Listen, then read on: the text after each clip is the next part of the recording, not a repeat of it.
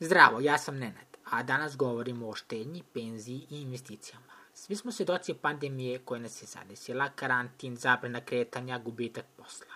Stresan period, zar ne? Dodatan stres ljudima u ovom periodu su bile financije, pogotovo nedostatak novčanih sredstava. Dosta ljudi je uzelo kredit ili pozemicu od nekog svog prijatelja da bi izašli iz krise. Vidite da su imali fond za crne dane, bilo bi im lakše. Fond za crne dane bi trebalo da vam omogući da preživite 6 meseci sa vašim trenutnim troškovima. Ovo je veoma bitno imati, jer čak i da izgubite posao, imate financije za 6 meseci, što bi trebalo da vam bude dovoljno dok ne pronađete novi posao.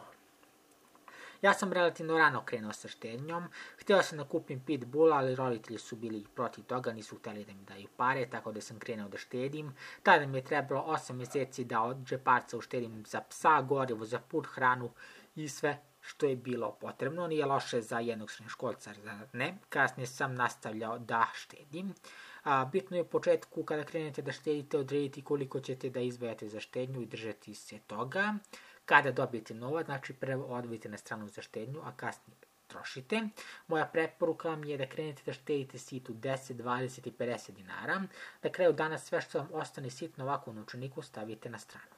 Kasnije možete krenuti da odvojite dnevno, na primjer 100 dinara dnevno, svaki dan odvojite prvo 100 dinara dnevno, pa onda dalje trošite pare. Ili kada primite platu, odvojite za ceo mesec po 100 dinara dnevno i na kraju svakog dana imate 10, 20, 50 dinara koje sam u novčaniku i tako štedite. Trebalo bi da negde mesečno na ovaj način sakupite 4500. Kada postanete dobri u štednji i imate fond za crne dane, znači da pokrete 6 meseci troškova, doći ćete u jednom trenutku u situaciju da imate višak stava. Jednostavno iskupovali ste sve što vam je potrebno, ali tada bi trebalo da nastavite sa štednjom. Moj savjet vam je da uložite pare u neki investicioni fond ili privatnu inflaciju, vidite, postoji nešto što se zove inflacija i ona čini da novac gubi svoju vrednost. Trenutna inflacija u Srbiji je oko 2%, lepo je kontrolisana, ali sveke godine novac gubi 2% svoje vrednosti.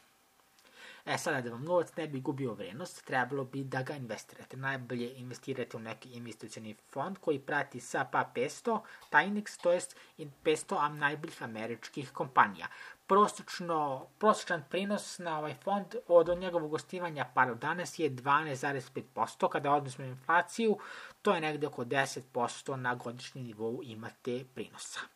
Vidite, kod investiranja postoji jedan paradoks da što se više trudite, to je teže ostvariti visok prinos. Naprimer, oni koji investiraju investicioni fond sa niskim troškovima upravljanja zarađuju godišnje oko 10%. sama činjenica portfolio, a, portfolio menadžeri, oni se dosta trude da izaberu akcije koje će u narednom periodu da rastu, ali veoma mali broj njih je uspešan u tome, u, veoma mali broj njih uspe da pobedi tržište i da ostvari više od 10% na godišnjem nivou prinos, to je od 12,5. Ali naravno postoji izuzeci, postoji jedan investicioni, kineski investicioni fond koji ostvaruje 20% prinosa, ali na mesečnom nivou, ali oni su priča za sebi. Za vas kao prosječnog čoveka ovih 10% godišnje je sasvim dovoljno. A kako se najbolje pripremati za starost? Bez obzira na šta radite, i što će imati penziju. Uvek je lepo kada imate nešto sa strane, zar ne? Trebalo bi da uplaćate privatnu penziju za sebe, izaberite penzioni fond po izboru, moj izbor je Dunav, možete da uplaćate kad hoćete, koliko hoćete, hoćete sa tim što je minimum za uplatu 1000 dinara. Na primjer, 1000 dinara investirano sad za 40 godina uplatom u penzijski fond vam zarađuje 120.000. A gde je njihov prinos? Pa vidite, da ste investirali a, putem investicionog fonda ili sami, to bi došlo do nekih 480.000. Znači, 1000 dinara za 40 godina 480.000, a budući da ste uložili preko penzijnog fonda, oni imaju troškove održavanja, pa troškove ono za uplatu, kad uplatite uduzimaju vam deo, tako da vi na kraju od tih 1000 dinara imate 120.000, ali resto je njihovo, ali oni se brinu o vašim investicijama, vode vam portfolio, tako da i dalje je to veoma dobro, bolje nego baciti 1000 dinara a ljudi baci 1000 dinara stalno, recimo izađu u grad, potroše mnogo više od toga.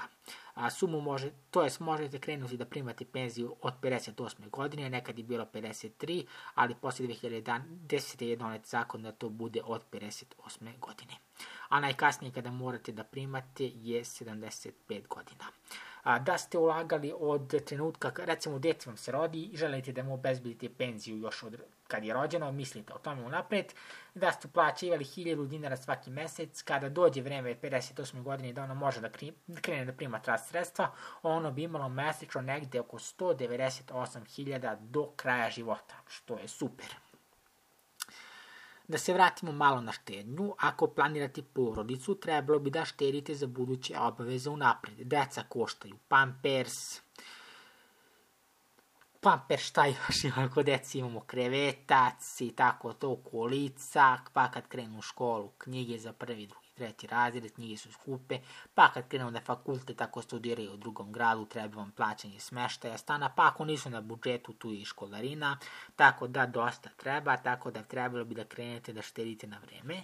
Naravno, kada skupite veću sumu od crnog fonda, znači fond od crne dane od 6 meseci, sve ostalo investirajte preko investicionog fonda i onda kad vam zatreba za dete, prodajte te taj udeo koji vam je potreban i tako povlačite pare da ne biste došli dospeli u situaciju da vam inflacija jede novac. Najlakši način za investiranje je preko investicionog fonda, kao što smo rekli. Trebalo bi da plaćate privatnu penziju, ili ako hoćete da investirate u pojedinačne akcije, vidite 500 najboljih američkih kompanija i investirajte u njih. Ne moraju biti u Americi, ja vam pričam o američkim kompanijama, jer volim američko tržište, ono jednostavno donosi najviše prinosa, ali recimo tržište u Indiji je isto veoma dobro i kvalitetno. Naravno, meni je dostupnije američko tržište jer imam razne sajtove sa kojim, na kojim imam analizu njihovih kompanija, analizu pokazatelja i na taj način mnogo lakše donosim odluke. Pre investiranja u pojedine kompanije uraditi tehničku i fundamentalnu analizu, naravno, i vidite kako se kreće taj sektor, tako da trebalo bi da investirate. Ovo, um, sada, želim da vam kažem da ako ćete nešto poneti iz ove epizode, to jest ako ste naučili nešto novo, to jeste da bi trebalo da krenete da štedite, da imate crni fond, da investirate novac i nadam se da ste saznali za inflaciju koja vam svake godine jede pare.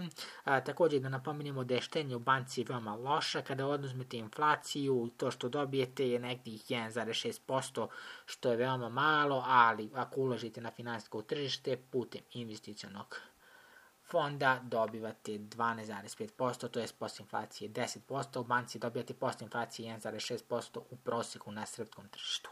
To je to za ovu epizodu, hvala na pažnji. Nova epizoda izlazi svakog ponedeljka u 8 sati ujutru. Ja sam Nenad Jovanović, a vi ste slušali moj podcast na kafi sa Nenadom.